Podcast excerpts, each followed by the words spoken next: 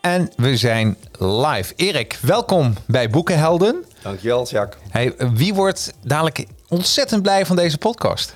Wie ontzettend blij wordt van deze podcast, uh, zijn de mensen die uh, met zichzelf aan de gang gaan, die uh, next level willen, maar niet via het begrijpen, maar via het toeval wat geen toeval is. Toeval wat geen toeval. Ik ben ja. benieuwd. Ik start de intro, zijn we zo weer terug. Hartstikke goed. If you ready, let's go. Book held in podcast, powered by advertising heroes. Every weekend, read a book on management, marketing, or self improvement, then break it down. It's the coolest, yeah. Giving plenty tips and insight you won't find anywhere else, and it's so hype, yeah. If you ready, let's go. Book held in podcast, powered by advertising heroes. Woo! En welkom, weer een nieuwe aflevering. Aflevering 156 van de Boekenhelden podcast. Dus we zijn eigenlijk al een paar jaar bezig. Uh, ja, een paar weken niet geweest. En de reden is dat we aan het herpositioneren zijn zoals dat hoort. Um, omdat er zijn zoveel boeken uitgegeven. Maar ik moet ook zeggen, zijn ook, ja, ik ben wel op zoek naar de juweeltjes tussen al deze boeken. Dus we zijn ook best wel kritisch geworden. Heel vaak krijg ik een boekje binnen en dan kijk ik ernaar en denk van... Nou ja, weet je, hier word ik, hier word ik niet heel opgewonden van. Dus dat, uh, dat is niets voor mij. Daarbij vind ik het ook heel leuk om een boek te lezen die niet met de auteur te bespreken, maar met een fan van dat betreffende boek. En ja, deze week is het Synchroniciteit uh, van Joseph Jaworski. Uh, ja, die hebben gelezen. Een boek die ik no normaal nooit zelf zou lezen, maar ja, op aanraden van, van Erik. Ja, Erik. Welkom bij de show. Dankjewel. Ja, Dankjewel. joh. Het is, uh, hey, maar jij vindt het dus een heel goed boek. Ja, zeker. Ja. ja. Voordat wij even in het boek duiken. Ja, je kent uh, de, uh, de, de elevator pitch wel. als ik jou zou tegenkomen in een lift.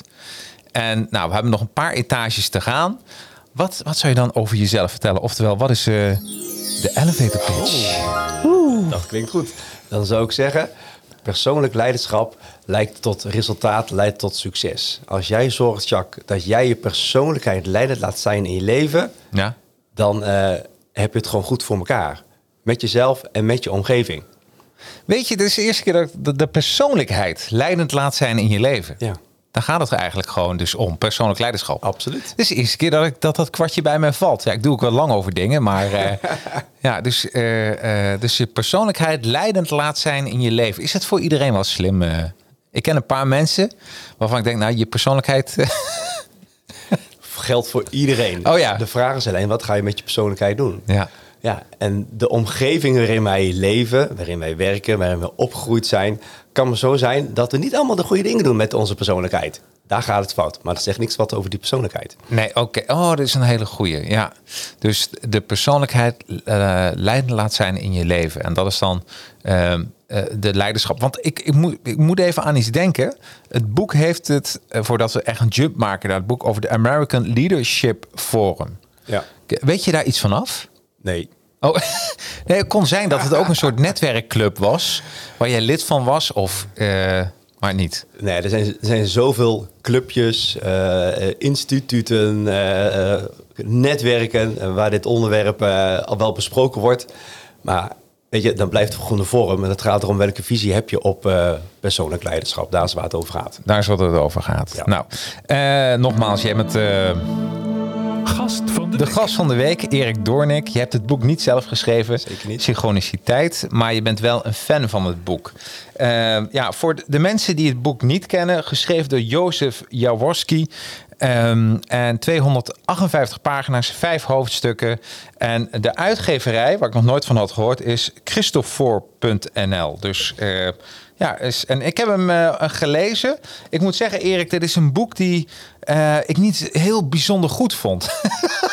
Om meteen even. En, en de reden is dat uh, soms vond ik hem echt heel goed. Tenminste, dan trok hij mij. En soms was het ook een beetje van... Ja, ik heb dit clubje opgericht met die... En ik heb met die gesproken en die gesproken. Zo'n verjaardagsfeestje dat je naast iemand zit... en die gaat uitleggen hoe een glasvezelkabel in elkaar steekt. En daar gewoon drie uur lang over doet. Ja. ja. Ja, en af en toe nog met een mooie anekdote komt. Maar jij hebt dat boek anders ervaren. Nou, niet zozeer heel anders, want het is Nee. gewoon een persoonlijk verhaal. Ja. eh, waarin er heel veel namen genoemd worden. Inderdaad, Ja. van mensen die wel wat eh, eh, te melden hebben. Ja. Dus dan is van, ja, als ik deze mensen ken, dus ben ik ook wel een beetje goed.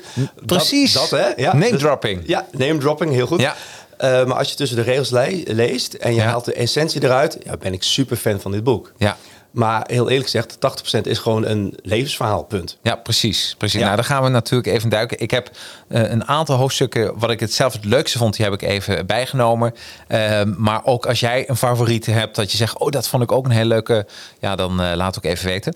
Ehm, wat ik een, we, we beginnen even met, eh, met synchroniciteit. Eh, Wikipedia, ik lees toch even voor. Eh, de term synchroniciteit, letterlijk gelijktijdigheid, betekent zinvolle, eh, zinvolle voorvallen van uiterlijke en innerlijke gebeurtenissen die zelf niet kausaal verbonden zijn. Het begrip werd in 1930 geformuleerd door de Zwitserse psychiater en psycholoog Carl, Carl Gustav Jung. Van synchroniciteit is sprake wanneer twee of meer gebeurtenissen min of meer tegelijkertijd optreden in een voor de betrokken zinvol verband. Dat niet noodzakelijk als kausaal wordt ervaren. Eenvoudig gezegd, je ervaart het als er meer dan gewoon toeval is. Omdat de twee gebeurtenissen voor jou met elkaar te maken schijnen te hebben, maar dat niet zo is. Nou, ja, dus, ehm, dus het gebe- gebeuren dus twee dingen. Twee dingen. Maar weet je, ook dit, hè, die synchroniciteit. Ja, toen dacht ik, ik had het dus gelezen, Erik. En we kennen elkaar wat langer, dus vandaar dat we even wel een eh, lekker robbertje hierover kunnen praten. Eh, maar bijna toch alles is dit. Dus, weet je, het is een beetje alsof je naar de zon kijkt en denkt van... Goh, wat, ja, die is inderdaad warm. Ja, nou, zo zou je kunnen, naar kunnen kijken, Jacques. Ja. Eh, maar als je er daar niet van bewust van bent, Ja. dan kun je daar ook niet de goede dingen uit halen. Dan, ga je, dan loop je door je leven of door, door, langs de gebeurtenissen. En dan denk je, nou, hoogstwaarschijnlijk helemaal niks. Nee. Maar als je daar zicht op hebt en je bent je er bewust van, van eh, het effect van synchroniciteit, dan Ja. word je daar veel scherper op. En dan kun je veel beter later dat in je, eh, in je bewustzijn halen, zodat je ook echt keuzes kunt maken. Dan overkomt het je niet meer. Wat, is, wat is jouw eh, mastervoorbeeld van synchroniciteit? Maar als je, oh, zijn Wat is zo- je eigen voor? Noem eens een voorbeeld waarvan zit mensen dat denken van... Oh ja, Ja, dat, dan kom je mensen tegen Ja. zonder een vooropgezet eh, idee. En Ja. uiteindelijk blijken dat ook weer linkjes te hebben met iets anders. En er ontstaat iets. Het mooiste voorbeeld is dat ik nu werk voor een mooie club, die heet Isa Groep. Ja. ja, dat ontstaat omdat je mensen tegenkomt. Ja. En nou, lang verhaal kort, dat komt omdat ik een keer op een feestje ben geweest van een overbuurvrouw eh, van mijn vriendin. ja, En, Ja. dan, nou, ja, weet je, en dan, dan komen de dingetjes bij elkaar. En dan kun je zeggen van nou, was een, leuk, eh, een leuke ontmoeting, punt. Ja. Maar je kunt, er ook, je kunt daar ook anders naar kijken. En als je dat met elkaar stapelt als een soort van Lego blokje... Nou, dan krijg je uiteindelijk een fantastisch mooi huis. ja. Maar als je dat niet ziet, dan blijft je tafel gewoon liggen met allemaal losse Lego blokjes. Ja, 100 Ja, heb jij ook wel eens iets gedaan om die synchroniciteit eh, om een boost te geven? Nee, dat bestaat ook niet voor Jawel, bestaat. Ja, ja, ik ja, heb dat gedaan. jij denkt ervan wel? Ja, 100% Vertel eens. Ja. En het is, eh eh daar komt het eigenlijk nog op. Ik ben, eh, wat is het, 2014 gescheiden. Toen had ik een lijstje gemaakt van de top 5 dingen of top 10 dingen wat ik graag zou willen hebben. Nummer 1 was een hond. Ehm, maar toen dacht ik van, oké, wat wil ik nog meer? En op een gegeven moment, ja, dat lijstje, heel stom, kwam niet vol bij mij. Ik dacht van, oké, misschien moet ik ook even eh, uit een andere wereld stappen. Dus ik moet mijn, mijn, mijn, mijn markt, mijn eigen mindset even vergroten. En hoe doe je dat? Het is heel simpel. Hoe je dat doet, is een week lang, moet je tegen niemand zeggen wanneer je dat gaat doen, maar een week lang zeg je tegen alles ja. En als je dan gevraagd wordt voor iets, dan denk je, ja, weet je wel. Dus eh, op dat moment heb je ook heel veel abonnementen lopen. ja, maar wat er gebeurde, wat er gebeurde tijdens die week, dat was, eh, ik woonde in Weel. En Weel is een dorp met een enorme, enorme carnavalsgeschiedenis. Nou, ik ben toch meer opgegroeid in het noorden van het land. Nou, daar kennen we dat niet. En eh, werd mij steeds gevraagd, Jacques, ga je meevieren met carnaval? Nou, ik dacht van, nou, dat, ga, dat ga ik gewoon echt niet doen. Ik ga geen carnaval vieren. Nou, op een gegeven moment eh, eh, gebeurde dat dus wel. Dus iemand vroeg aan mij tijdens mijn ja, mijn, mijn dat ik tegen overal tegen alles ja zou zeggen. In jouw jaarweek. In mijn ja-week. van, doe je dat? Ik zei, ja. ik dacht van, dit is, eh, ik dacht van, dit is zo'n slecht plan, maar ik doe wel mee. Dus, eh, nou, ik kreeg hulp. ik ben een pak uitgezocht, natuurlijk mijn Spider-Man pak. En ik deed mee met carnaval. En, nou, was hartstikke leuk. Ik leerde daar mensen kennen. Een wereld ging van me open. Want ik dacht van, hé, hey, dit is wel een verbroedering. Dit is een superleuk feest hè, om hier te zijn. Terwijl ik nog steeds geen carnavalman ben. Ik, ben. ik ga nu niet meer naar carnavalsfeesten toe. Maar toen op een gegeven moment waren we, was het, feest, het feest was afgelopen. We stonden buiten met onze fiets. En toen werd gevraagd, waar gaan we de afterparty houden? Bij jou, Jacques?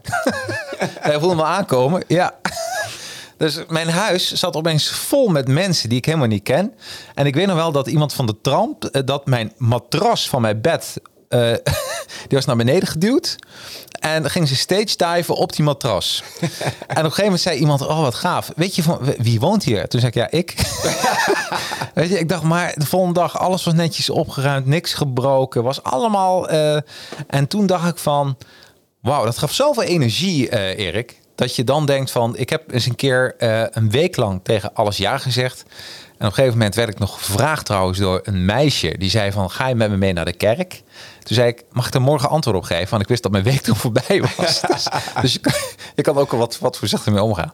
Maar dat was wel een week dat ik tegen alles ja zeg. En ik denk namelijk dat die synchroniteit, want daarna zijn nog leuke dingen gebeurd.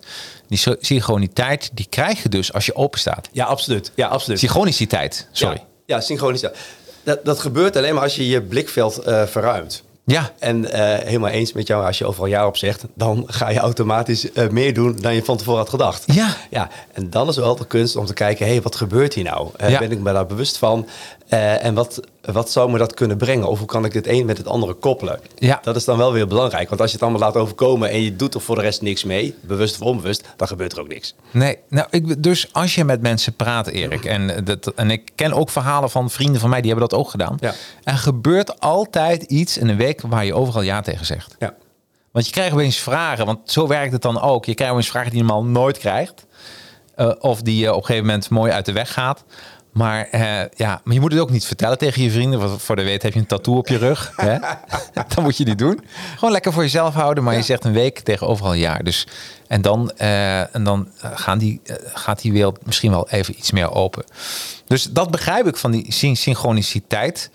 Um, als we even naar, naar het boek springen, Watergate, daar begint het boek eigenlijk mee. Eerst een hele oninteressant voorwoord, vind ik. He, want daar vertelt hij jou hoe goed hij wel niet is ja. en wat hij uh, allemaal. En, ja, ik vind dat altijd. Uh, weet je wat ik, wat ik ook een beetje vind, Erik? Van het, het is geschreven door een advocaat. Ja. En als een advocaat die heel rationeel bezig is, is het net alsof hij voor de eerste keer. Spok die voor de eerste keer emoties ontdekt. Zo is hij soms geschreven. Dan denk je, hallo, dat is toch normaal? Heb, had jij dat soms niet? Nou, de, de verwondering zoals hij schrijft, ja. Die is wel herkenbaar, ja. Ja. ja, ja. En maar dat is ook wel de verwondering als je uh, zicht hebt op wat het effect is van synchroniciteit. Want als dat niet in je scope zit nee. en je leeft je leven en je herkent het niet of je ervaart het niet, je voelt het niet en geeft er een woord aan. Ja, dan kan ik me voorstellen dat er een verwondering is. 100 procent. Ja. ja. Dus vanuit hem kan ik me dat voorstellen. Zeker. Voor mij zelf was het dat ik denk van een beetje open deur, weet Ja. je wel? Ja, natuurlijk als jij altijd eh, rationeel uh, bezig bent. Hij komt ook uit zo'n familie dat hij zelfs zijn vader de kolonel noemde. Ja. Nou, dan weet je al dat het wel een soort een autoritair familietje is met, met vele tradities. Uh, ik bedoel, de kolonel alleen George Shimmy noemen. Hè? Die, die, die noemen een opvoeder kolonel. Voor de rest ken ik echt niemand die uh, iemand generaal of kolonel noemt. Nee. Dus dat geeft al even iets aan. Maar ja, iemand die altijd rationeel bezig is, ja, die verwondert zich dan uh, uh, om al die emoties. Ja. Dus zo kwam het een beetje bij mij over. Ja, en, en zo, zo, herken ik het ook. Ja, hè? En als we dan, als ik dan kijk van, joh, uh, wie wil ik een, een, volgende stap helpen in het leven? Ja. zijn dat vaak wel dit soort mensen die op deze manier ah. naar de wereld kijken. Dus dat van, is een leuke. Vandaar ook dat het mij triggert, omdat ik zelf ja. ook uit zo'n nou blauwe financiële wereld kom. Oh, blauw. Dat is, uh, noem je dat? Uh, die kleurschakeringen? Uh, procesgericht. ja, maar het heeft toch een naam. Hoe heet dat nog eens? De, de, de, de, ehm, met al die kleurtjes, weet je wel. Dan, soms zeggen mensen, ja, ik ben een gele type. Ja. of ik ben een rode type. Of jij bent dan een blauw type. Ik weet niet wat ik ben. Ik, uh, uh, weet jij wat, wat ik ben trouwens? Nou, mensen zijn niet iets. Nee, maar uh, als jij mijn kleur moet geven? Nou, dan, dan heb jij heel veel gele energie. Ja? Als in visie, creatief. Ja? ik vind je altijd heel fijn in het contact. Hè? Dus je, maakt, je hebt ook iets met mensen, met onderzoeken. Nou, ja. dat is groene energie. Dus eh, geel en groen vind ik heel goed bij je passen. Geel en groen? Ja. Oh, cool. Ja, vroeger was geel mijn lievelingskleur. Kijk. En, eh, en eh, nou ja, groen, nou, de hulk is altijd ook een favoriet geweest. Dus dat klopt weer helemaal. Hoe groen wil je zijn? Hoe groen wil je zijn? Ja, precies. Oh, wat grappig. Ja, dus dat, dat is het. De, de, maar de grap is, ja, ik ben even de naam kwijt. Maar degene die dat heeft bedacht, even een zij- zijsprongetje van die kleuren. Dat weet bijna niemand. Maar dat was ook de schrijver van Wonder Woman. Oké. Dus, de, de, dus, want er was psycholoog. Die heeft toen die kleurencombinatie bedacht. Waar ik nu de naam even niet van weet. Eh, maar hij was ook de schrijver van Wonder Woman. Dat is dus even een leuk feitje. Dat, En die eh, ken jij weer natuurlijk. ja. ja, ja. Ik dacht, oh, dat is hij van die kleuren. Eh ja, eerste boek gaat over Watergate. Dat Jozefs vader, dus de, de, de schrijver van, van het, eh Jozef, de schrijver van het boek, zijn vader, die werd de kolonel genoemd. En eh, die werd de speciale aanklager van de Watergate-schandaal. En Watergate, dat is volgens mij in 1972, ehm, als ik het even goed zeg, waren de Democraten en de Republikeinen natuurlijk waren op stoom voor de presidentsverkiezing. En eh, eh, toen is de Democratische Partij afgeluisterd door Nixon. En op een gegeven avond zijn ze opgepakt. Ja. En het heeft, eh, dat hebben ze een beetje onder de tapijt proberen te duwen. In 1974, mijn geboortejaar, eh, ja, toen, eh, toen is het allemaal uitgekomen. Nixon moest aftreden. Maar voordat hij kon aftreden is een speciale aanklager aangesteld. En dat was de vader van Jaworski. Ja, ik noem dan even de kolonel. Maar waarom heeft hij dit erin geschreven, de Watergate? Wa- Wat was zijn beweegreden om... Was het name dropping of, of was hij trots op zijn vader? Wa- Wat heeft dit nou te maken met synchroniciteit, eh, Erik?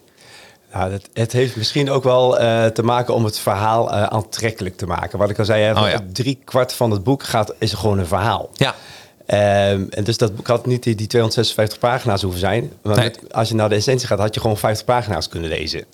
Nou precies. Nou, dat heb ik, eh, wat ik al zei. Ik heb heel veel dingen overgeslagen, omdat ik dacht, Ja. oh, dat is echt boring. Dat is, dat is name dropping, weet je wel? Ja. toen zat ik met Bill bij de country club en ik kwam ook nog eh, Joseph tegen en dacht ik, ja, dat is allemaal niet belangrijk, joh. Ja. Maar het is wel een succes geweest, het boek. Nou ja, tegelijkertijd, die, Ja. die eh, ontmoetingen die hij omschrijft, dat is natuurlijk wel de onderliggende rode draad, is wel synchroniciteit. Hè? Wat heeft dat nou Ja. betekend?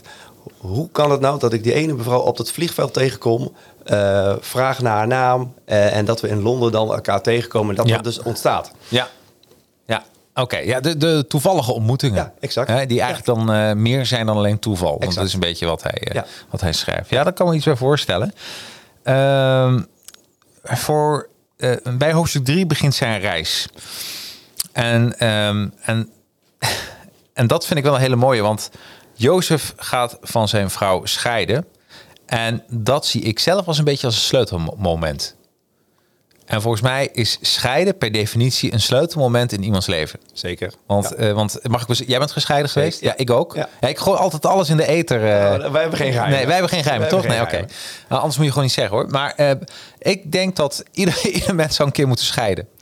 Dat is mijn stel. En de reden is, ik zal je vertellen waarom. De reden is dat als jij twintig jaar eh, een relatie hebt gehad, dan ben je zo'n synchroon, dus niet synchroniciteit, maar zo'n synchroon met elkaar, dat als je dan weer los bent, dat je echt, fuck, wie, wie ben ik zelf? Exact. Ja. En eh, nou, dat is, dat is best wel mooi. Dat is echt leuk, want dan, dan moet je juist die jaarcurve inzetten.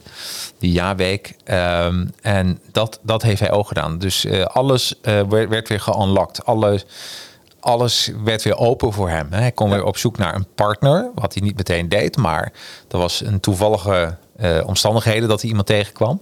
Ehm, nou, hij, ging, hij ging echt weer op pad. En ik denk dat je dan weer open staat voor die synchroniciteit. Exact. Ja, nou dat, dat is het effect van die jaarweek die je zo mooi omschrijft. En Ja. dan sta je daar letterlijk open. Ja. Dus dan ben je ook eh, ontvankelijk voor signalen die je krijgt. Ja, Eh, en anders blijf je gewoon gefocust op één stuk. ja. En, en, en mis je gewoon de rest. wat vind je van mijn stelling dat iedereen een keer in zijn leven zou moeten scheiden? Eh, nou, de, de, de, de, de stelling die je eh, tussen de regels door zegt, daar ben ik het helemaal mee eens. Hè. Ja. Zorg dat je eh, één keer in de zoveel tijd even weer toetst bij jezelf. Wie ben ik? Ja, Het gaat over je persoonlijkheid, het gaat Ja. over je identiteit. Ja. En klaarblijkelijk hebben een heleboel mensen het nodig, inclusief mijzelf, dat het in de vorm van een scheiding gebeurt. ja, Alleen die vorm is al een beetje kloten. Ja. Maar het effect is natuurlijk wel briljant. Nou, Ja. hoe kunnen we nou voor zorgen dat we wel dat briljante effect hebben... zonder dat die vorm zo ruk is? ja, ja nou dat. Nou, dat, is- als we dat weten uit te vinden, Ja, Erik, dan zijn we spekkoper. Dat denk ik ook. Ja, want het is ook een beetje scheiden van jezelf. Het is, het is onwijs scheiden van jezelf. Ja. ja dus wat er, wat er in mijn geval gebeurde, is eh, na mijn scheiding eh, kwam ik los. eh, en toen was ik ook weer voor, voor mezelf met wat er was. Ja. Maar op dat stuk zitten ook nog al je andere, laten we zeggen, familieovertuigingen die je van je ouders hebt meegekregen. 100% En de vraag is dan, wil ik dat nog in, op deze leeftijd en deze fase van mijn leven? Dus het is wel een Ja. moment om dat zo eens helemaal weer op te schonen. Je wordt ge- helemaal gereset weer. hè? Exact, ja. Dat ja je en, van, en daarmee zijn we terug bij mijn eerste quote. eh, Ja. hè, eh, persoonlijk leiderschap eh, leidt tot resultaat, tot succes. Ja. Laat je persoonlijkheid leidend zijn in je leven. Maar dat kan alleen maar als je de ruimte, de tijd, de vorm vindt... om dat ook echt een keer te doen. Ja. Nou, ja. dus- en, en scheiden is een vorm, ja. Nou, scheiden is, ik denk dat bijna, wat zeggen, er zijn een paar dingen die je emotioneel echt raken. En ik denk dat scheiden eh dwingt, je, dwingt je letterlijk om alles te herdefiniëren. Want je moet weer gaan kijken, waar ga je wonen? Ja. Je gaat kijken, je vrienden ga je onder de loep nemen. Want je hebt altijd, eh, in ons geval was het niet zo heel spannend, maar dat, dat mensen dan een keuze gaan maken. Ja. Eh, je gaat ook kijken, oké, maar wat wil ik nu? Dat is ook een hele moeilijke. Want Heel vaak weet je helemaal niet wat je wil. Nee. Je denkt alleen maar wat je verliest, maar niet nog wat je nog kan winnen. Dus het zijn, ja, het zijn wel mooie dingen. Dus de, en die synchroniciteit, dat, dat vond ik wel een hele mooie. Dat was voor mij zo herkenbaar.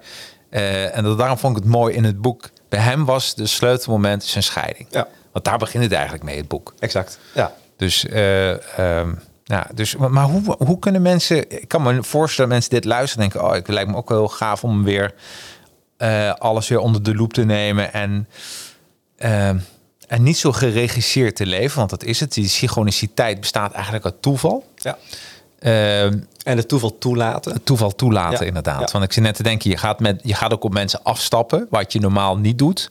Maar wat heb je te verliezen? En dan zie je dat er hele leuke gesprekken ontstaan, dat er bepaalde energie ontstaat.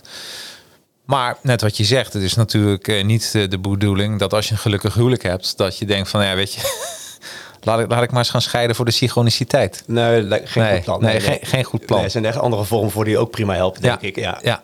Maar ook een eh, eh, wat gedachtesprong, hè? Ook een gedachtesprong.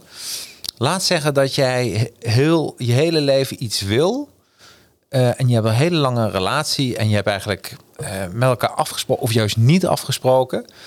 Ehm, dat je die kant op wil. Dus je hebt een bepaalde ambitie. Laat zeggen, je wilt ondernemer worden. Of je bent ondernemer, je wilt nog de volgende stap maken. Maar je partner denkt van, "Nou, ik vind het niet bij ons leven passen. Ik vind het wel goed zo. Ja, dat, dat, is, dat zijn ook goede vragen voor jezelf. Hè? Zeker. Van, ja, hoe ga je dan daarmee om? Ja. Dus, eh, nou, dat zijn mooie vragen. Ja, we, we hadden het er net over. Hè? Ben je onderdeel van een plan van iemand anders? ja, Of leef je eigen plan? ja, En durf je, wil je de consequenties die je bedenkt, hè, Ja. eh, eh, accepteren als je je plan gaat uitvoeren? precies. En heel vaak zie ik dat die consequenties die we ons van tevoren bedenken, eh, met name de negatieve consequenties, dat het allemaal best wel meevalt. Ja, 100 procent. Ja, ja, ben ik helemaal mee eens. dus we houden onszelf gevangen. Ja, nou ja, weet je, en, en, en, en dat kan voor mannen, voor vrouwen gelden. Alle twee kanten gaat het op. Maar als je een partner hebt die je tegenhoudt in jouw plannen, Ja, dan moet je je eigen leven ook weer gaan herdefiniëren. Weet je, dus dat zijn, nou, dat zijn wel mooie dingen waar je over na kan denken. Het, het antwoord ligt bij jezelf. absoluut. Ehm, dan, ja, dan, de rij, dan begint het volgende hoofdstuk heel mooi. Ga je scheiden, denk je van het volgende hoofdstuk heet pijn of huilen of eh, nee, dan heet het vrijheid. Ja, zeg toch ook wat over die periode daarvoor. Ja, maar het- ik kwam niet zo achter dat hij een ongelukkig huwelijk had. Hè, zijn vrouw had een ander. Was verliefd geworden op een Ja, ander in het ja. boek. Dus, eh, maar hij had het zelf helemaal niet door. Nee, omdat hij veel te veel werkte. Ja, dat was het. Ja. Hij, hij, eh, dus dat, dat was zijn occupation. Exact. Daar was hij alleen maar mee bezig. Heel veel met ratio bezig. Ja, heel veel. Advocaat. Hij komt uit een rationele familie. Die, eh, ja, dus dan, dan, dan laat je gevoel niet toe. Vrijheid. Het volgende hoofdstuk. Hij heeft hij het afscheid genomen van zijn, van zijn leven. Hij gaat zijn manege verkopen. Wat erin voorkomt. En ik eh, heb even wat gearseerd. Pagina 54. Dus heb jij dit boek Synchroniciteit. Dan... ehm, eh, ja, een van de waarheden die Jonathan met, met, eh, met deelde, dat was een vriend van hem. En dan komt iets, dan moet je echt even over nadenken. En jij kan me wel even helpen wat hij hiermee bedoelt. Nou, kom Oké. door. Doorbreek de ketenen van je denken en je zult de ketenen van je lichaam eveneens doorbreken. Dat is een beetje Yoda, hè? Ik hou ervan. Ja, doorbreek de ketenen van je denken en je zult de ketenen van je lichaam eveneens doorbreken. De- wa- wat, wat bedoelt hij hiermee? Begrijp jij meteen? Ik begreep het niet. Nou, wat, wat er gebeurt is, eh, we zitten allemaal in zijn hoofd. Ja. En daar houden wij ons systeem soort van in vast. Ja? Eh, inclusief je lichaam. Ja. En als je, je je denken doorbreekt, dan kun je ook veel meer gaan luisteren naar je lichaam. En welk, vertaal, welk verhaal je lichaam jou vertaalt. Als in spanning, als in de manier waarop je loopt. Of nou ja, weet je, alle fysieke dingen. Oh, dan, oké, dan voel je dat beter. Ja. Oké, dan eh, bedoelt hij dat ermee. Ja. Dat is, dat, is, zo- dat is mijn vertaling daarvan. Ja, dat is jouw vertaling. Ja, het, het kwam uit het boek, eh, daar hadden ze het over. Jonathan Livingstone Zeemeeuw Ja. van Richard Bach. Heb je hem ooit gelezen? Ja, zeker. Oh, ja? Ja, dit is het allereerste boekje wat ik na mijn scheiding heb gelezen. Oh, echt waar? Serieus. Oh, Ja. wauw. En- en Een goed boek? Eh, een heel eh, metaforisch boek. Het gaat over een, eh, een zeemeeuw, Jonathan. Ja. En eh, die wil 250 km per uur gaan eh, vliegen. En elke meeuw zegt, ja, koek, koek, meeuwen vliegen geen heen met 250 km per uur. Ja, als dat nou de beperkende gedachte is, dan gaat het nooit lukken. Dus dat, is, de, dat is de metafoor. Dus als je je eh gedachtes doorbreekt, Ja? en dan kun je ook je fysieke beperkingen doorbreken. Dat is een beetje de relatie. En dan gebeuren er dus andere dingen. Oh, wat goed. Dus d- d- dat is een boek die ik meteen al leuk vind. Dat is echt... eh, ja, nee, ik, ik dacht van, dat is zo'n exotisch boek. Die, die, heeft vast, die heb je vast nog niet gelezen, maar dus wel. Ja, zeker. Ja, dus de ketenen van... eh, hij, had het over, hij wil ook de ketenen van het conformisme doorbreken. Ja. En eh, ja, daar kan me dan iets bij voorstellen. Ja. Wauw. Maar dat boek, De Zeeuwmeeuw, dus die, die, eh, die moeten we met z'n allen ook lezen. Jonathan Livingston's Zeeuwmeeuw. Is die ooit verfillend of niet? Niet dat ik weet. Nee, hè? Dan tekenfilm of zo. Ja, ja, ja. Als dat zo zou zijn, had jij dat geweten. Nou, dan had ik het geweten, ja precies. Nee, maar ik zat te denken, misschien is dat het wel. Hey, dan eh, gaan we naar het volgende hoofdstuk, eh, de Grand Prix. En ehm daar pak ik nog een stukje uit, dat is pagina 56. Ehm, eh, ja, hij wil de Grand Prix eigenlijk gaan bijwonen, want, want, want daar gaat het eigenlijk om. Hè? Hij heeft een droom voor zich dat hij een paar meter van Niki Lauda wil staan. En dat heeft hij in zijn. En, en hij formuleert het zelf. Eh, Ik citeer even uit het boek. Bij het nemen van, de volgende stap, eh, van een volgend stapje bedacht ik. Hoe zou het zijn als ik mijzelf een korte termijn uitdaging stel met betrekking tot iets wat me op dit moment nog onmogelijk lijkt, maar waar ik me dan toch voor ga inzetten? En dan toch maar zien of het me gewoon lukt. Dus een korte termijn uitdaging eh, wat op dit moment onmogelijk lijkt, maar waar ik me toch voor ga inzetten. Ja. Heb, heb jij je Grand Prix moment gehad, eh, Erik? Zeker. Ja, noem eens één. Eh, de, de, het eerste Grand Prix moment wat in me opkomt. ehm, je weet, ik heb een keer een magazine over mezelf gemaakt. De Glossy de Erik. Oh ja. En eh, er is een workshop, dat heet de Cover Workshop. En dan ga je dus een cover maken. En dat doe je in een dag. En aan het eind van die dag vertel je dan ook, wat zou je nou willen? En ik had met mijn grote mond gezegd aan het eind van de dag... ik wil ook zo'n cover workshop gaan geven. Oh ja. En eh, nou, dat hebben we toen eh, niet die dag gerealiseerd, maar toen is er wel iets aangegaan. En eh, twee maanden later was ik een van de consultants die zo'n coverworkshop mocht geven. Dat is wel heel cool. Ja, dat is echt superleuk. Ja. En dat zijn ook van die momenten van wat wil je bereiken? Iets waarvan ik denk van, ja, dat gaat nooit lukken of is het realistisch of niet? Weet je, die laatste vraag is helemaal niet relevant. Wil je het of wil je het niet? Nou, als je dat dan in de wereld kunt zetten en je ziet de mogelijkheden vanuit synchroniciteit, waar zijn de haakjes? Ja. Nou, dan kunnen echt heel veel dingen gebeuren. Dat is wel een hele mooie. En ik, ik heb zelf altijd het 12 weken plan. Ik heb ik toen gelezen in het boek van eh, Femke, Winstgevende Plannen, Femke Hogema. Die vul ik ook steeds in. Ja. En is nou zit ik te denken, het zijn tot zes punten die je dan opschrijft. Het zou tenminste, je kunt meer, maar ik vind zelf zes wel makkelijk. Het zou heel leuk zijn om een van die punten, dat je zo'n zo'n korte termijn goal inzet, die eigenlijk onmogelijk lijkt. Ja. Maar eh, eh, ehm, dat vind ik wel een hele mooie katalysator voor, eh, voor ja, dat er weer iets gaat rollen. Exact. Ja. En dat je zelf ook weer verrast, hè, zoals het doorbreken van de keten zit vaak in je hoofd, maar ook Ja. gewoon in, je, in, je hele, in je hele zijn. Ja. Om daar weer next level te maken. En het hoeft allemaal niet groot en meeslepend te zijn. Nee. Maar je kunt ook gewoon kleine stapjes... kun je gewoon naar, de, naar, naar, naar het volgende gaan. Ja, dat is heel leuk. Ik denk dat iedereen wel eens kan nadenken... oké, wat zou korte termijn, op een korte termijn kunnen doen... wat toch een impact kan hebben. Ehm, en dat kan iets zijn wat jij deed, hè? zo'n magazine maken in Ja. een korte tijd. Het kan een podcast zijn die je wil beginnen. Ik bedoel, eh, want dat is voor heel veel mensen ook nog wel een issue. Ja, zeker. Ehm, maar het, het- ja, het kan zelfs zijn, ik wil eh, naast een bepaalde persoon staan, wat, wat hij dus had. Iets wat totaal misschien niet met het werk gerelateerd is, maar wat, wat meer wat zegt ook over je persoonlijkheid. ja. Nou, leuk. Ja. Ja, nou vind ik wel ook iets om over na te denken. Dus dat zijn eh, mooie. Er zou eigenlijk zo'n werkbaag bij moeten zijn. Van, Eigenlijk wel, hè? ja, toch? Ja. Wat, je, wat je hier nog zeer verder uit kan halen. Want nou heb je het erover. En denk je, ja. Even kijken. Dan, eh, gaat, dan maken we een sprong naar liefhebben. Eh, dus eh, de titel van hoofdstuk 6. Liefhebben, een kunst, een kunde. En eh, ik had er nooit zo over nagedacht. Het, zegt jou denk ik meer dan mij. Maar pagina 63 heeft het over een vijf soorten liefde. De erotische liefde, oude liefde, zelfliefde, de liefde tot God en broederlijke liefde.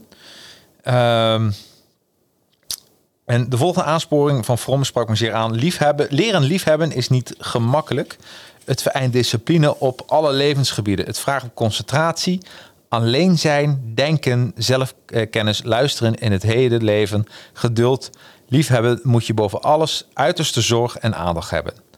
Je moest ook een beetje om lachen, want hier staat het vraagt om concentratie en alleen zijn.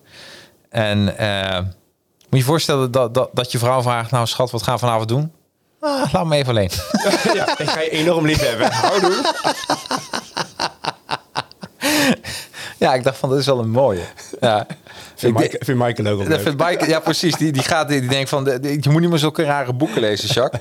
Ja, maar dat vind ik wel grappig. Maar ehm, ik denk dat het, ehm, als je het over hierover hebt, dus ik vind alleen zijn vind ik meer zelfliefde. Wat ook belangrijk is trouwens. En die, die zag er nog niet bij staan. Nee, heeft Oh ja, staat er wel bij. Ja, zelfliefde. Ja, de liefde tot God.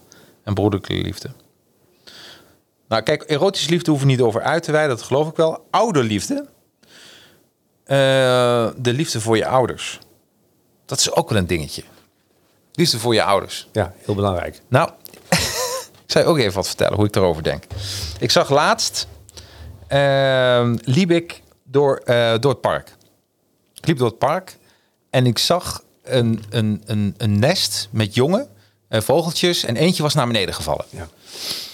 En eh, nou, ik dacht, fuck, dat is gewoon echt zielig. Dus ik bellen met de dierenambulance. Ja, wat, wat moet ik doen? En dan zegt ze, gewoon laten liggen. Want misschien gaat hij wel weer vliegen. Nou, ik denk dat dat meer was om mij gerust te stellen. Maar die vrouw bleef een beetje doorpraten. Zegt ze, nou, wat er gewoon gebeurt... waarom zo'n vogel naar beneden valt... is dat die ouders op een gegeven moment letterlijk denken... ja, nu wordt het tijd om, om een nest uit te gaan. Dus eh, letterlijk. Ja. Hè, die moeten opzouten en terug. En, eh, en toen zei ik tegen haar, nou, als ze allemaal gaan vliegen en op een gegeven moment en ze gaan los, komen ze dan weer terug naar hun ouders? Nee, zegt ze, nee, dan zijn ze gewoon weg. Nou, dat deed me denken aan mijn hond. Ik heb hond Bo en die kwam na een paar jaar haar eigen, oh, haar eigen zus tegen. Dat is ook een hond. En eh, aan het snuffelen en ze snuffelden even aan elkaar en ja, een dag als een ander, weet je. Je zag geen ontmoeting, omhelzing, tranen en dat ze de poten om elkaar heen sloegen. Echt niet? Nee, nee, dat zag je niet. Nee, ze reek, roken aan elkaars kont en ze dachten, nou ja, je bent een hond, ik ben een hond, top. Ja, We gaan verder. En Check. Uit elkaar. En toen dacht ik, wat grappig, dat de, de dierenwereld, dat die eh, eh, de biologische feiten, eh, ja, gewoon, je, voel, je, je, je, je, gaat, je, je wordt opgevoed en je gaat weg. Alleen wij als mensen ehm, hebben iets met kinderen en andersom. Maar we hebben meer dieren. Ja, welke dieren nog meer? Kudde dieren. Anders, anders overleef je niet als kind. Nee. Dus je hebt- Is dat zo bijvoorbeeld een koe, hè? Eh, Een kalfje. Die wordt op een gegeven moment groot. Maar ik denk toch, Erik, als die koeien daar elkaar, met elkaar op de wei zijn, dat die denken, hé, dat is mama. Denk je dat wel? Ik denk als een koe wordt overgeplaatst, vindt hij ook prima. Ja, daar ben ik met je eens. Als de, de veiligheid van de kudde is dan belangrijker dan, eh, dan wie je ouder is. Dus betekent, en voor een kind is dat, eh, wanneer kan die veilig, als je op kamers gaat. Hè? Dan is een kind veilig genoeg, dan hoef je, hoef je niet meer te voederen. Hè, dan eh, dan ook wel zinnelijk, hoop ik dan, voor, voor als je op kamers gaat. Maar dan is het moment... En dat vond ik zo mooi. Dus oude liefde heb ik echt over zitten nadenken. Ik denk van, oké, tot hoeverre is dat belangrijk? Ehm, en als we even teruggaan naar de dierenwereld, is dat nodig? Ik heb het antwoord echt niet. Ja, ik ben ook even wat nadenken. Nou, Ja. ja. Nou, twee, twee dingen. Ja, Ouderliefde. Eh, eh, ouders hebben je het leven gegeven. ja.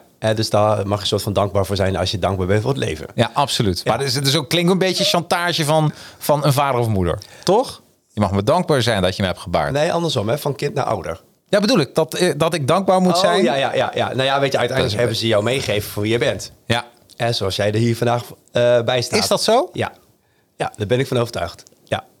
Eh, maar dat is niet alles. Nee, maar het is geen dis naar mijn ouders hoor. Maar het is gewoon even, Ja, gewoon, gewoon even, even denken van... Is dat zo dat, dat hoe ik er nu bij sta... dat dat danken is hoe ik ben opgevoed? Nee, dat is niet wat ik, wat ik Nee? maar, Nee? maar een deel wel. Eh, en de vraag is dan, waar we het net over gehad hebben, als je gaat scheiden, en welk, Ja. welk, wat neem je nog mee in je rugzakje van je ouders? En kun je daar dankbaar voor zijn? Maar welke shit wil je er ook gewoon uitgooien, omdat het gewoon niet meer voor je Ja. werkt? Wat je waarschijnlijk ook vanuit je gezin van herkomst hebt gekregen. Ja. Maar een heleboel dingen, die zul jij ongetwijfeld mee hebben genomen van eh ma. Ja.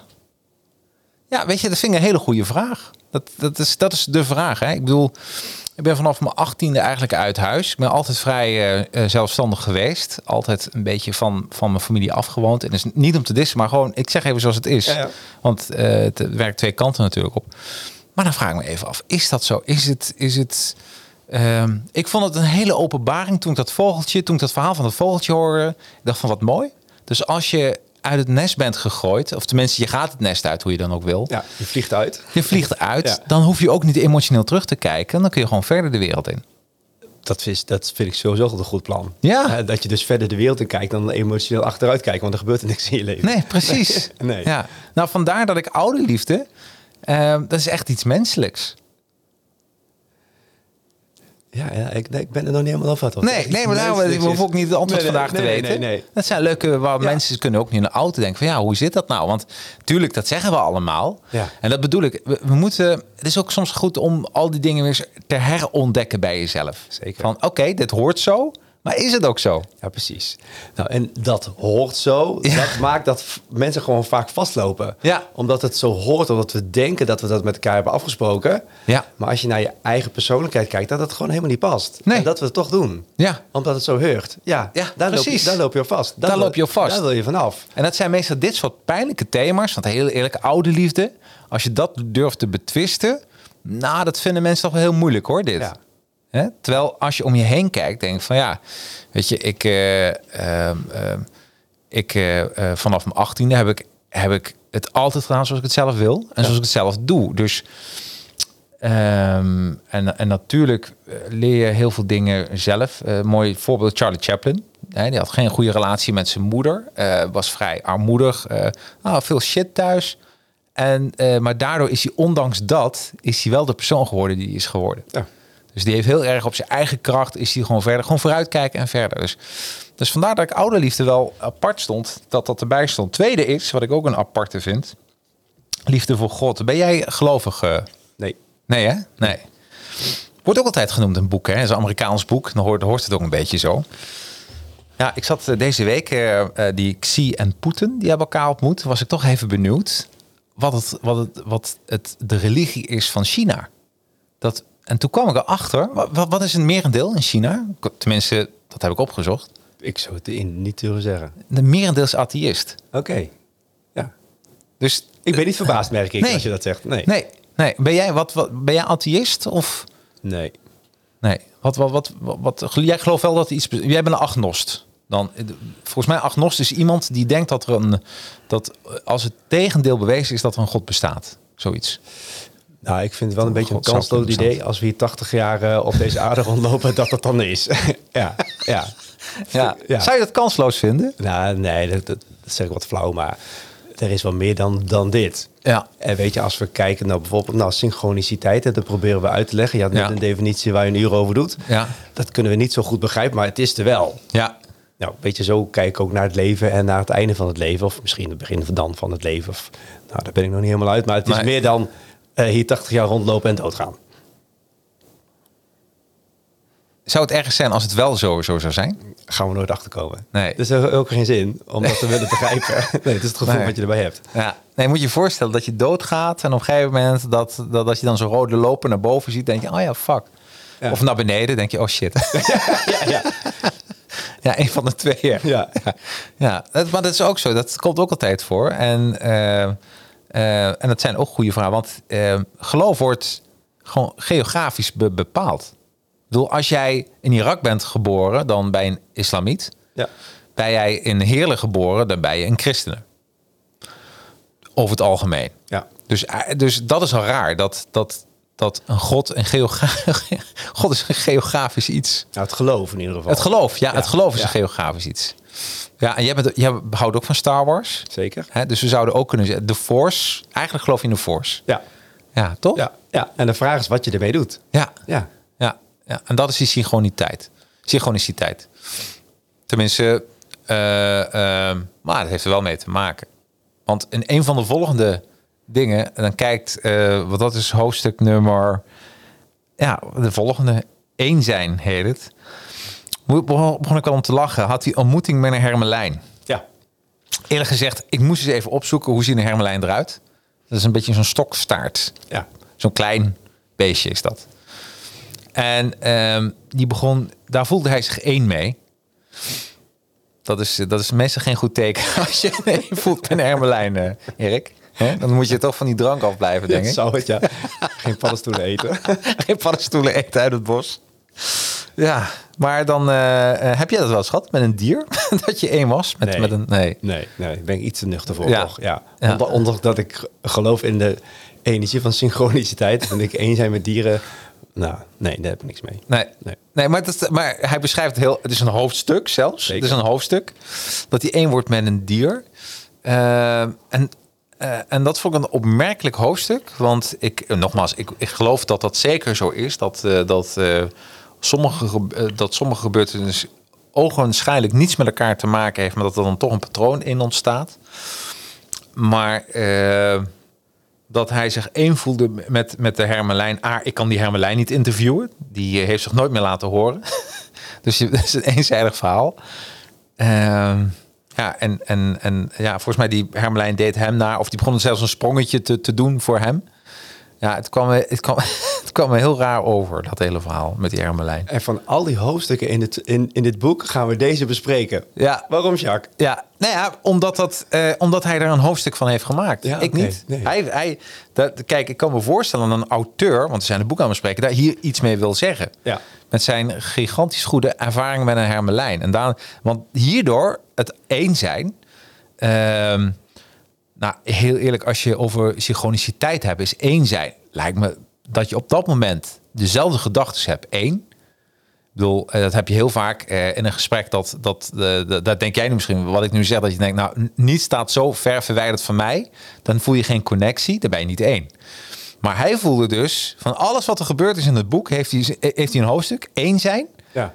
En kon hij alles aan opschrijven, heeft hij, Ja. zo moet hij met de Hermelijn beschreven. Ja.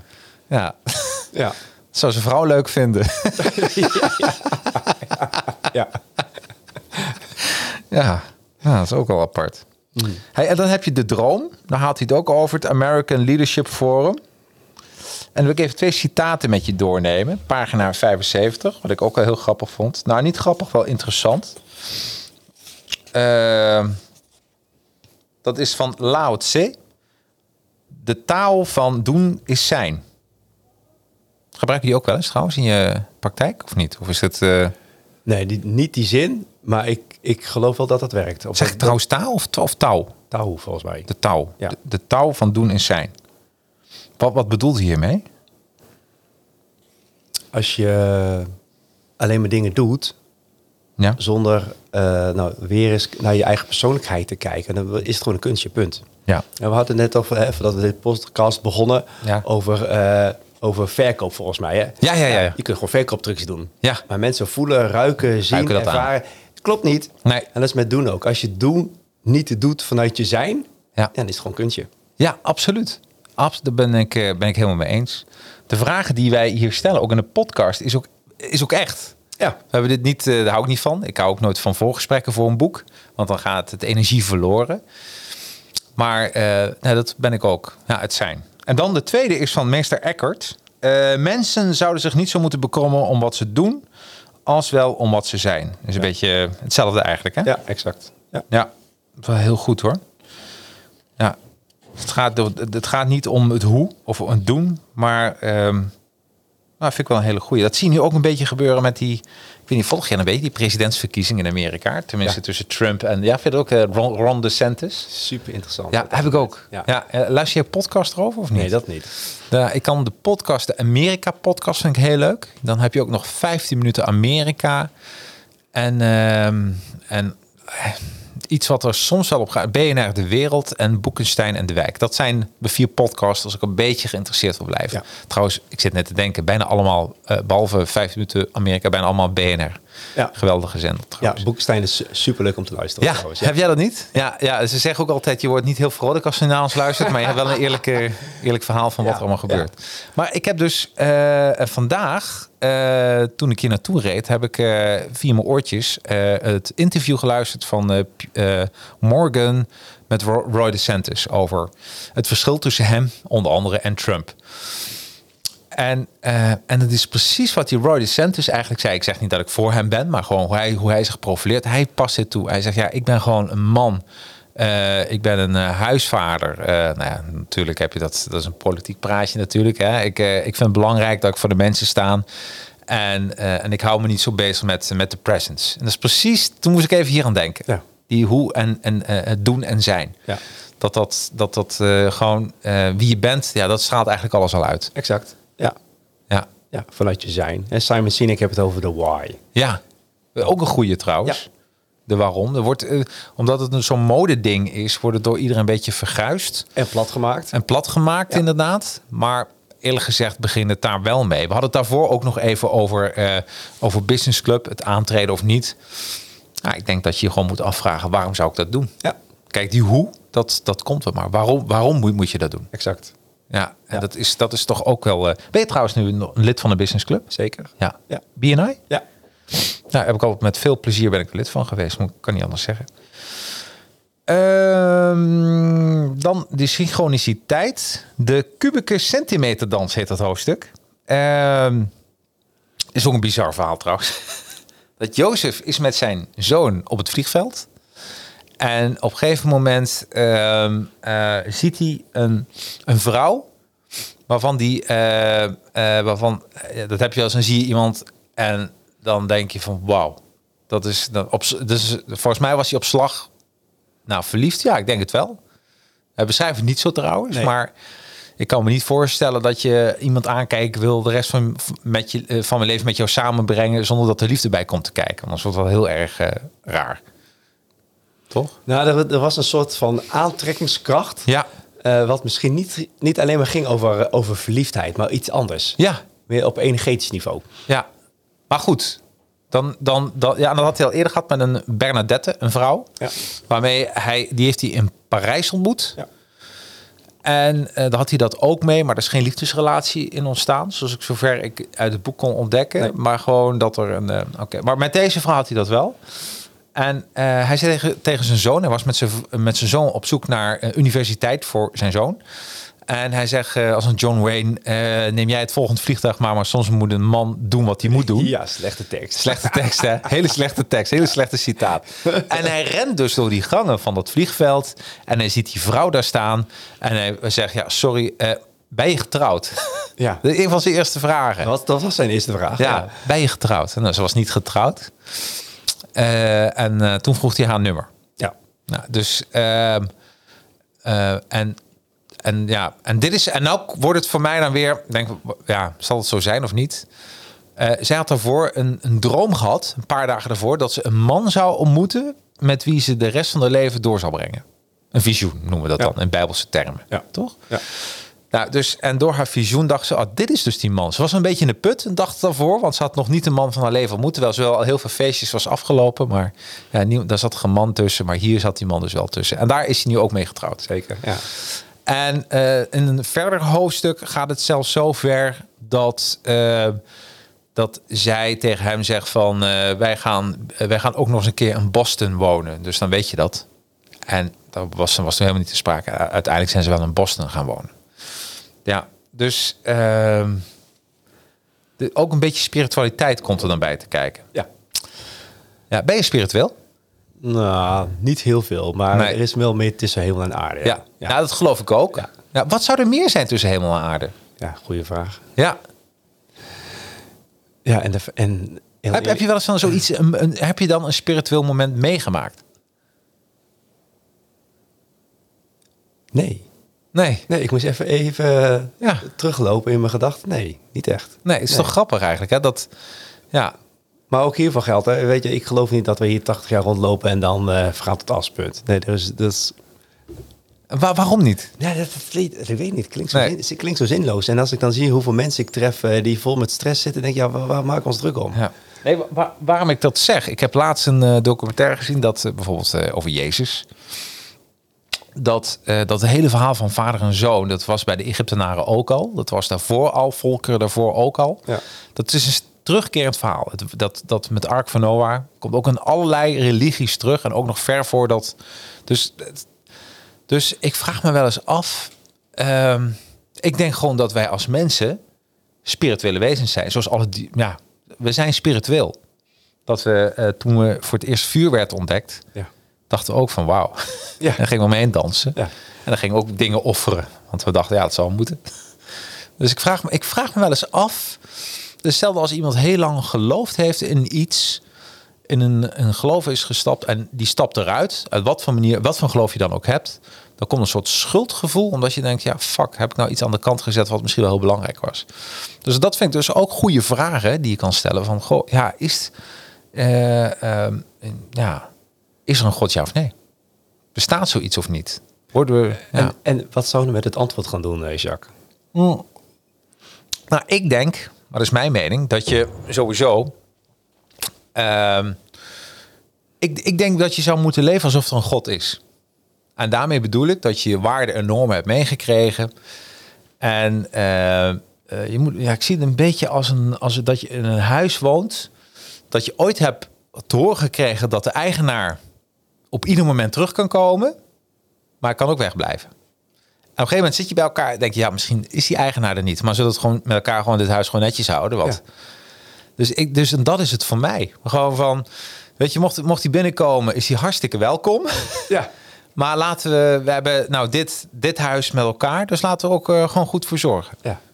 Dus dat is voor, en meer is het voor mij nu, nu niet. Gewoon zorgen voor elkaar, voor dat huis en zorg dat het netjes blijft. Dat klinkt alsof dat ook zonder een god kan. Nou Ja, en sterker nog, ik denk dat als er een God was, dat dat, dat, dat het meest haalbare is wat hij kan doen. Ik bedoel, het is hetzelfde als we hadden het net over ouderliefde.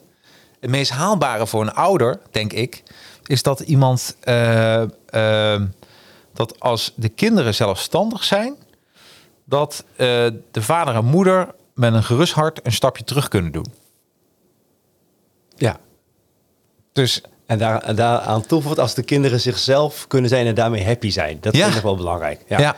Als ze zelfstandig zijn is misschien een onderdeel daarvan. Maar is... dat ze eh, happy zelfstandig zijn. Zou je dat zo kunnen vertalen? Ja. Nou, dus het betekent, ehm, ja, dan, ehm, dan zal een ouder ook meer genieten dan wanneer eh, jouw kind steeds belt dat hij je nodig heeft. Want dan maak je toch weer zorgen. Ja, absoluut. Dus dat een God overbodig wordt gemaakt, dat is misschien wel het grootste compliment voor een God in dat, in dat opzicht. Zeker. Nou, dat- dat ben ik helemaal met je eens. Dat ben ik helemaal... Ja, maar dan zijn we zelfstandige wezens. Ja. Dat zijn zelfstandige Ja. wezens. Ja. Ja. dus misschien is dat het wel. Hè? Maar en dan is de vraag, heeft hij bestaan of niet? Nou, dan is die vraag niet meer zo relevant. Nee. Nee, dus eigenlijk is, eh, is dus eigenlijk kun je zeggen, is God bestaat hij? Die vraag is totaal niet relevant. Check. Ja. Ja. ja. ja ik ben benieuwd hoe mensen. Er komt wel wat thema's voorbij, hè? Zo, ja, zo, ja, ja. Ja, wat heb jij het meeste gehaald uit? Want voor de rest uit het boek, ik heb hem eh, die hoofdstukken dus wel gelezen. Ja. Op een gegeven moment wordt het echt een soort. eh, ehm, eh, dan wordt het voor mij, ja, heeft geen plakfactor meer. Dan Nee. komen er heel veel dingen in voor met de relaties die hij heeft met die mensen om dat te maken. Ook niet lekker geschreven. De, de, ik vond wat ik nu aanhaalde, dat was tenminste nog leesbaar. En voor de rest wordt het dan heel veel... Of mis ik iets in dat boek waar- waarvan jij zegt... nou Jacques, als je dat hoofdstuk nog een keer overleest... dit heb ik eruit gehaald. Nou, dat is met, met name eh, de laatste hoofdstukken uit het boek. Ja. Want daar gaat het echt wel weer over die essentie. Ja, Eh, in het begin is het heel verhalend. eh, is het ook heel Amerikaans. ja, Eh, en naarmate het boek verder gaat, eh, dan heeft het ook minder eh, behoefte aan name dropping. ja. Ja, en dan komt aan het eind van het boek komt wel waar het, waar het echt over gaat. Ja. En dat gaat dan over lotsbestemming. dat gaat dan over synchroniciteit. Ja. En het gaat over kun, je, kun je tevreden zijn met hetgeen wat leven je biedt. En dat klinkt misschien wat wazig, maar eh, wij hebben als mensen denk ik altijd heel veel het idee dat we controle hebben over zaken. ja. Eh, en dat betekent dus dat je eh, narrow-minded wordt en dat je ergens op gefocust bent, omdat we denken dat we dat zo moeten doen. Ja. Maar juist als er wat achterover zit en je, je laat het meer open, ja, dan ontstaat er mooie dingen. Ja. Ja, da, da- daar- nou, daar kan ik me alleen wel bij aansluiten. Ik denk ook dat dat het probleem is van heel veel mensen. Ja, Dat ze zo gespannen op één, dat ze de rest weer vergeten. exact. En dat is, dat is een beetje wisseling ook tussen focus en toch die open mind Ja, hebben. Je hebt het allebei nodig, hè? Ja, je hebt het alle twee nodig. Ja, ja, en de vraag is hoe, hoe balanceert dat met elkaar? Hoe is dat in harmonie? ja. Hoe doe je dat? Want jij bent ook ondernemer. Ja. Hoe doe je dat in je onderneming? Hoe, hoe zorg jij voor die synchroniciteit? Eh, om daar heel bewust eh, mee om te gaan. Als in, eh, nou, jij, je noemt dat mijn jaarweek. Ja. Dus dat je ergens dus tijd in investeert of aandacht aan geeft zonder te willen weten wat het moet opleveren. Ja, helemaal mee eens. Eh, en dat je gewoon in het moment eh, kunt zeggen, hé, hey, maar dit is super gaaf. Ja. Nou, weet je, dit vind ik zo'n mooi voorbeeld. Ik zit hier samen met jou een uur. Ja. Nou, ik vind het echt fantastisch. Ja, ik Super- ook. Super leuk om jou te zien. Ja. En dat, was, dat is al het doel op zich. ja. Nou, Ja, daar ben ik helemaal mee eens. Ja. We zijn ook soms een beetje te veel waarde gedreven. Dat bedoel ik.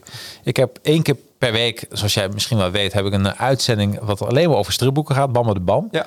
Eh, en dat is mijn, eh, mijn hour of fun. Dit trouwens ook. Ja. Dit, dit zijn mijn dat ik gewoon helemaal geweldig vind. En, eh, eh, en daar krijgen we energie van.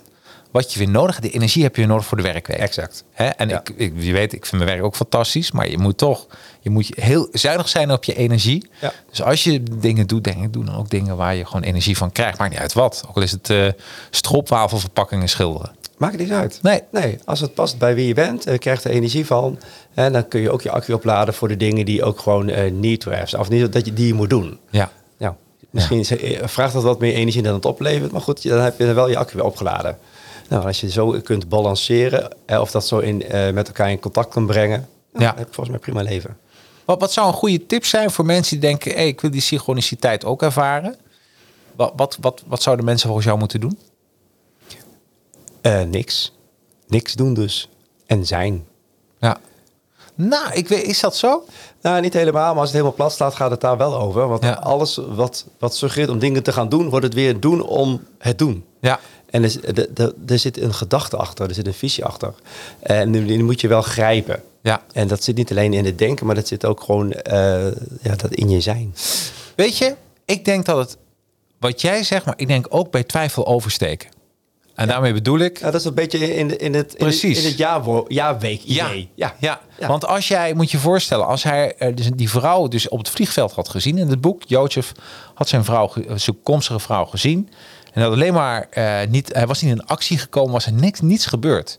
Bij de chroni- synchroniciteit is het wel altijd dat je in actie, eh, als je echt voelt van dit is iets, iedereen heeft dat wel eens meegemaakt. Ja, maar, Heb je- maar hier gaat het precies over. Ja. Dus als je voelt dat Ja. het iets is, dan moet je in actie komen. Ja. Maar dan moet je dat eerst voelen. Ja. Ik ken mensen die zeggen van, joh, ik ben, 100%. ik, ik ben druk, ik ga mediteren. En dan gaan ze mediteren om het doen. Want dan, doe, dan mediteer ik. Dus word ik daar rustig van. Nee, mediteren is een vorm om eh, tot jezelf te komen. Ja. En dat is, dat is wat je dan te doen, lees, te zijn bent.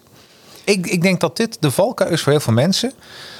Dat ze door ego of angst of wat dan ook, dat ze, eh, dat ze het gevoel hebben, hier moet ik wat mee. Maar dat ze door schaamte Kan. hè, of door angst, dat ze die stap niet zetten. En ik denk dat als je het echt voelt, je hebt toch niets te verliezen. Als je het echt voelt, gewoon doen. Ja, het enige risico wat je loopt is dat het leuk wordt.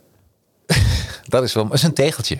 Ja, Dit, dit is een mooie afsluiter ook. De uur is bijna voorbij. Het enige risico is wat je loopt, is dat het leuk wordt. Nou, dat. Ja, nou, Ja. ik vind, eh, we zullen hier een Dit is iets van tegeltjesfabriek, Erik. Gaan we regelen. Jacques. Hey, hartstikke bedankt voor een uurtje. Jij bedankt voor Ja, gaat snel, hè? Ja, gaat supersnel. Ja, gewoon, vond je het leuk? Superleuk. Ja, dus eh, nou, als je nog eens een keer een boek hebt, laat het weten.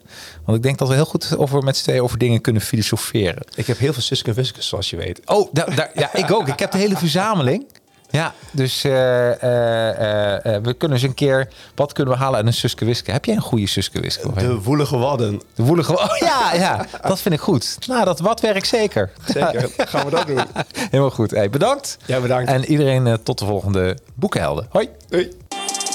If you ready, let's go. Book and Held in Podcast, powered by Advertising Heroes. Every weekend, read a book on management, marketing, or self improvement, then break it down. It's the coolest, yeah.